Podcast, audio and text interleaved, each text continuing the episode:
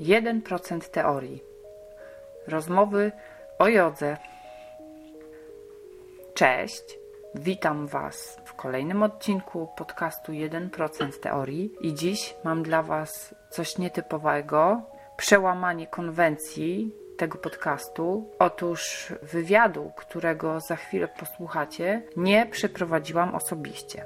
Tym razem, oprócz naszego gościa, usłyszycie także głos Ani Homczyk, którą już na pewno znacie, nie tylko z jednego z odcinków podcastu 1% Teorii, ale także z portalu Boso na Macie, którego jest redaktorką, oraz bloga Joginka w podróży. Ania rozmawia z Tai Landrumem, który przyjechał do Yoga Academy w Poznaniu najpiękniejszej szkoły jogi w Polsce, ze wszystkich, które do tej pory widziałam, na trzydniowe warsztaty, w których razem z Anią miałyśmy możliwość wziąć udział. Tai prowadzi szkołę asztangi w Boulder w Colorado. Jest uczniem e, Mary Taylor i Richarda Freemana, wieloletnim uczniem i praktykuje asztangę od 13 lat.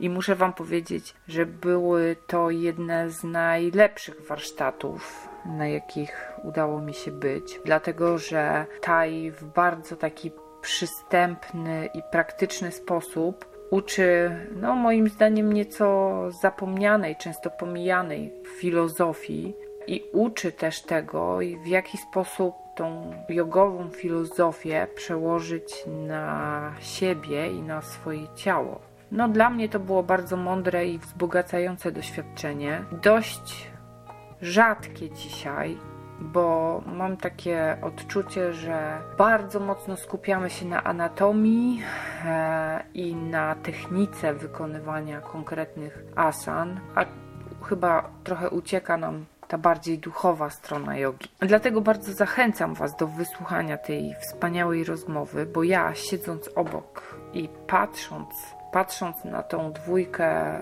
osób prowadzących naprawdę fajny dialog, czułam się, czułam się wyjątkowo i myślę, że Wy również e, słuchając tej rozmowy tak się poczujecie. Zachęcam Was bardzo do odwiedzin na moim facebookowym fanpage'u 1% teorii, ponieważ wraz ze zmianą polityki Facebooka zdecydowanie trudniej jest mi do Was dotrzeć z informacją o nowym odcinku podcastu. Także, e, także wpadajcie tam.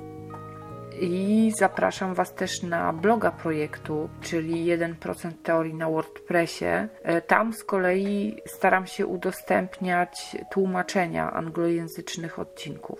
A teraz e, zapraszam Was już do posłuchania, jak Ania Hamczyk rozmawia z Thailandrum dla 1% teorii. Cześć. Hi, Tai. Hi. So we're really happy to host you here in Poznan and participate in your workshop. Thank you. I'm happy to be here. In your lectures, you devote a lot of space to Shiv Shakti, or in other words, feminine and masculine energy. How do they manifest in the practice of Ashtanga Yoga?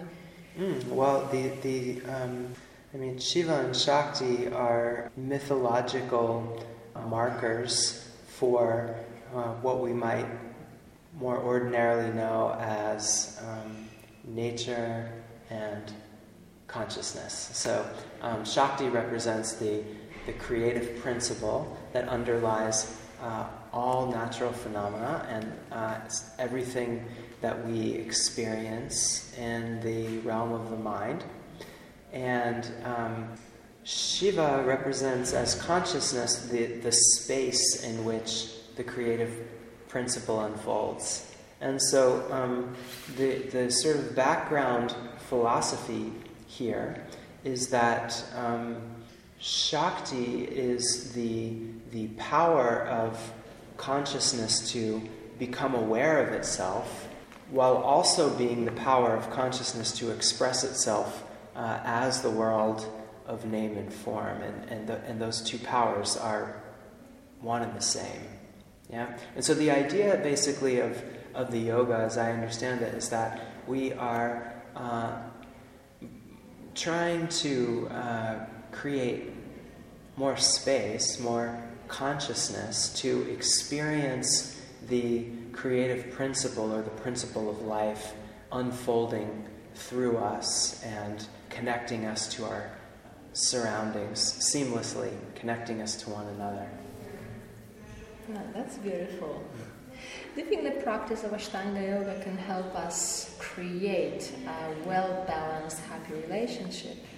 I do, yeah. I'm uh, quite optimistic about that because it's um, because it's it's it's done remarkable things for my own experience and for my own uh, outlook on the world and for my relationships with other beings. So yeah, I absolutely think so, and I I think that the the way in which this works is something like this that that uh, in the in in yoga practice where uh, the yoga practice is, is a practice of really being present with what's happening in, in the immediate sensorium of our own bodies.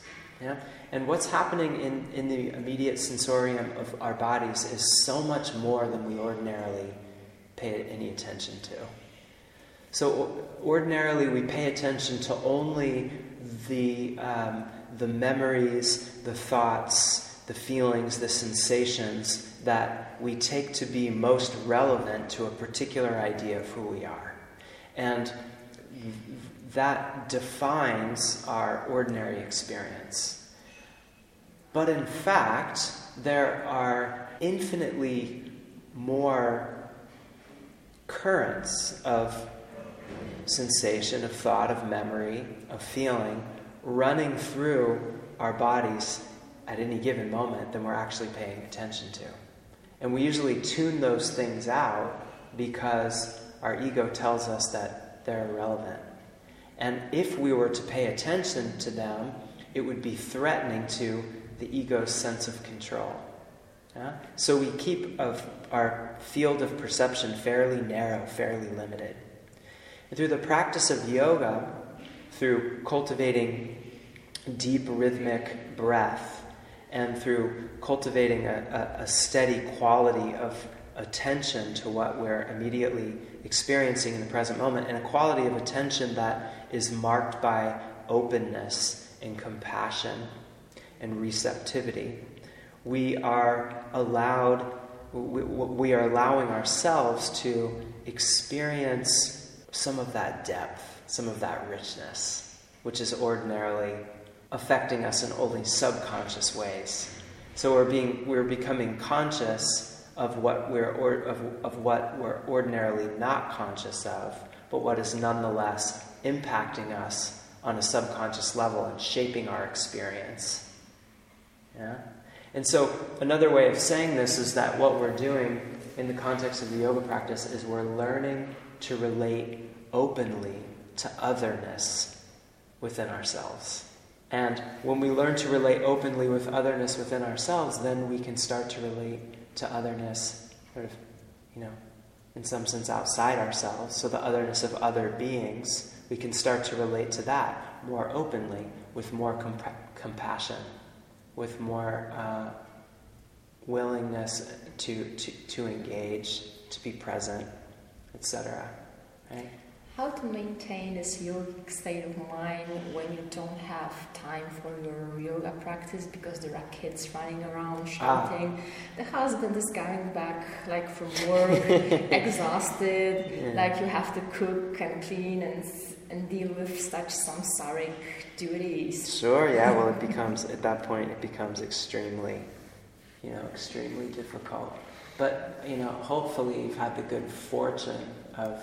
Um, you know, being introduced to some kind of contemplative practice like Ashtanga or, or some other form of yoga or meditation that allows you to understand what it means to be grounded, you know, what it feels like to be grounded, um, and perhaps has also given you some simple techniques for coming back into your center. So, for bringing your consciousness back into your body. Yeah, and then maybe you can maybe you can use some of those techniques in those difficult moments. And breathe know. a lot. yeah, I mean, for me, that's that's what's effective. You know, I take I take a deep breath and I feel the breath move through the center line of the body, and I, I feel it, you know, touch through every place between the soft palate and the pelvic floor, which is a very long uh, line, and you know, to move back out, and you know, even just a breath or two can immediately bring me back to center and help me cope uh, a little more sanely and kindly and generously with whatever's happening. Family life is something referred as the seventh series of mm. Ashtanga Yoga. So, how do you connect your sadhana to fatherhood? Mm, well, um,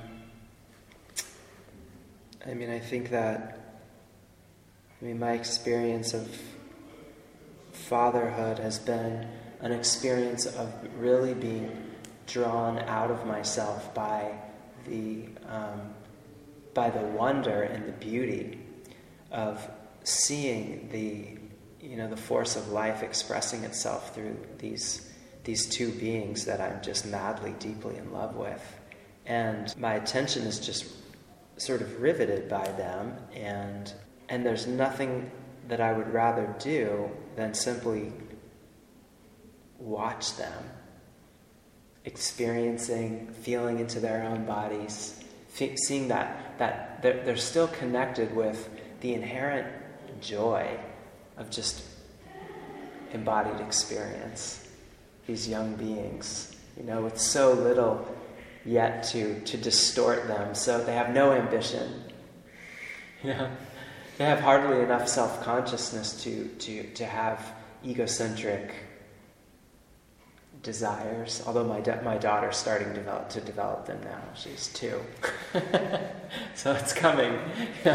Even watching that process take shape is is is the most wondrous, fascinating thing that uh, I've ever gotten to witness close up. So, and I and I think that that that, that experience of um, of just holding a space of, of support, of care, uh, and of adoration, of open adoration, of unconditional adoration for uh, the reality of another being is um, that is the yoga. You know, that's the that, that's the that, that is the heart of the thing. And so I think um, becoming a father is probably the best thing that ever my yogic journey so far. A pregnant woman is always, or almost always, in the center of like everyone's attention, and there's like mm. so many, I don't know, yoga for pregnant women's uh, mm. uh, classes, yeah. workshops, and etc. Yeah. Now, do you think like fathers uh. or generally men whose wives are expecting yeah. also need some support because like nobody ever speaks about them. Yeah, I mean everybody needs support because human beings are dysfunctional creatures, you know. And then if you're about to become a father, then you know there's like, you know, a, a, a huge and very important, you know, task that a father needs to like show up for. But I mean, with that said, I think that the role of the of the mother in that process of bringing life into the world is infinitely more intense, infinitely more profound. I, I do, I do think that. And I hope desperately that I will be reincarnated as a woman to experience that process of giving birth. But um, yeah, I mean, I mean, I think there, I, I, I think in a way these yoga practices are, are relevant to absolutely everyone at every at, at every phase of, of at least adult life and, and maybe to of teenage life also. I mean, I think that uh, yoga is ultimately about accelerating our natural psychological development and facilitating it. You know, and the problem is that we get stuck so yoga doesn't add anything to, to us that wouldn't sort of happen naturally if we weren't getting hung up in our development on particular kinds of things. And the function of culture should be to help us through the developmental process. That's what it should be. That should be the function of education. It should be the function of culture. It should be the function of art. It should be the function of, of politics. to some extent, but it's not. It doesn't work that way, you know. And so we have to. Um, uh, ho- hopefully, that will that, that you know we, we will evolve so that the, that that culture does become a better support for development. But the fact is that from the perspective of yoga, we commonly and routinely get stuck at a very low level of emotional and, and psychological and perceptual development. Yeah, and so yoga is um, the instrument. It, it, I mean, it is an instrument of culture.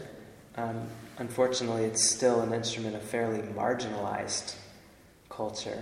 You know, um, but it's it's it is an instrument that culture and that tradition has has um, has gifted to us to help us uh, become unstuck, and so to to move higher along that progresses of of development.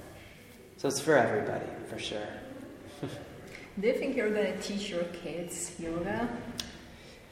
Um, in, in, in one sense, absolutely. In one sense, um, I mean, there are things that I think of as being internal to yoga that I think are really the only things that I want my kids to know how to do. I think that um, maybe the most important thing that I want my kids to learn and that I hope to get to see them learn before, you know, before I depart this world is the ability to, to fall deeply in love, to have their hearts broken, and then to get up and fall in love all over again. Yeah. And I think this is the this is the lesson of the, the story of the, the, the mythology of Shiva and Shakti. It's the lesson that Shiva has to learn and being alienated from Sati and then in recognizing his beloved in another incarnation, falling madly in love with her again. And it's through that process of having the heart broken and falling in love again that we come to recognize that the, the, that the true object of our love is not confined to one or another being, but takes expression in an infinite number of ways. Yeah. That is the perception, that is the insight. So I want, I want my children to, I want as a father to, to in, in, in some way to support them and, and you know, I don't, I don't know to what extent I can teach them or what that will look like, but that's what I will, I will try to support them in their sort of, um, in, in learning that, that skill. And I think it is a skill. Yeah. So in that sense, I will teach them yoga. Um, will I teach them asana and pranayama? We'll see. Hopefully, they'll take an interest in it, and then it will be an easy call for me. If they don't take an interest in it, probably not. But I will certainly tr- encourage an interest in it. But I don't think it would be constructive to force the issue. So we'll see. And Yoga Mala Pattabhi Jois gave us some pretty strict regulations related to sexuality. Mm. So, like, sexuality should be restricted yeah. to some specific, like, moon phases, phases of the cycle, yeah. etc. Yeah. Would you elaborate on that? Oh, wow. Mm. I mean, you know, one of the things that I remember off the top of my head from the Yoga Mala about brahmacharya is um, that I remember he, he says that we that one should not um, engage in you know engage in sexual exploration during the day, but only at night. But this, of course, is code for uh, engaging in sexual exploration when the uh, breath is flowing predominantly in Pingala Nadi. That's what it means for, the, for, for it to be daytime, for the breath to be flowing on the Pingala side, on the right side. Is the right side um, is uh, associated with, you know, with sort of left brain analytic thinking, with naming things, with and so with objectifying things. And he's saying one should engage in, in sexual exploration only in the night, which is to say when the breath is flowing through the Ida nadi, which is to say when the right brain is more active, and so the awareness is more open, more receptive, and more intuitive. And it's, I think it's that, re- that receptive quality which is really important because what brahmacharya is really meant to restrict is the objectification of the other to an instrument of the ego, like to an instrument of s- sexual gratification. If, if I see the other as an instrument for my pleasure, I've reduced the other to a concept. And so I fail to recognize in the other uh, the uh, sublime nature of their being. I fail to recognize in the other the, the, the other as an expression of the creative principle, which is something wholly autonomous, uh, wholly um, independent, and, and infinitely beyond anything that can be reduced to a single idea, and beyond um, anything that could be merely an instrument for my own gratification. Right? And that is, it's in that moment that I, that I succumb completely to delusion. I see, the, I see the other precisely as something that she is not, in reference to my own ego, and to even to, to sort of lower desires for sexual gratification. So brahmacharya is, is the, the, the, the stricture there is to try and prevent us from falling into that delusion. Right? So it's in saying that the, that sexual exploration should only happen during the night, it means when you're in that state of receptivity, so that that conceptual re, re, reduction is unlikely to happen. It's only then that the, that the sexual exploration can become uh, something that is not uh, an egocentric attempt to gain some fleeting moment of pleasure, but rather uh, a selfless adoration of and revelry in the experience of the sublime nature of the other. And your closing lecture has been called The Feminine and the Sublime. Mm. What will be your message to us oh. and that very lecture?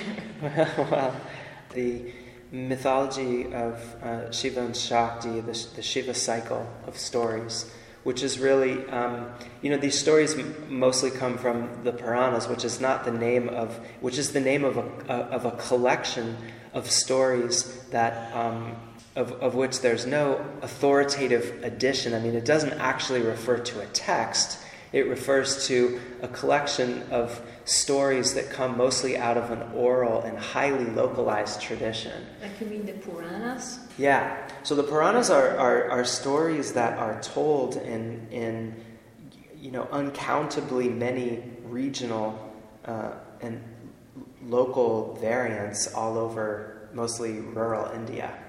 Right? They're folk tales in a sense.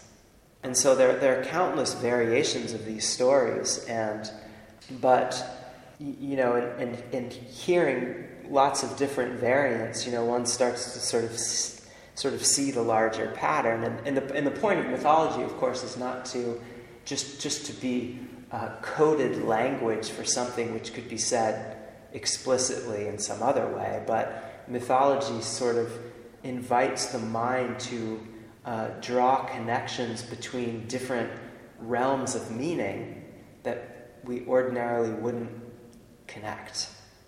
Right? And so it's the, the, the, myth, the mythology activates the imagination in an interesting way so that it starts to be able to recognize things as being deeply and fundamentally interrelated that one might think otherwise as being quite separate and distinct. Yeah?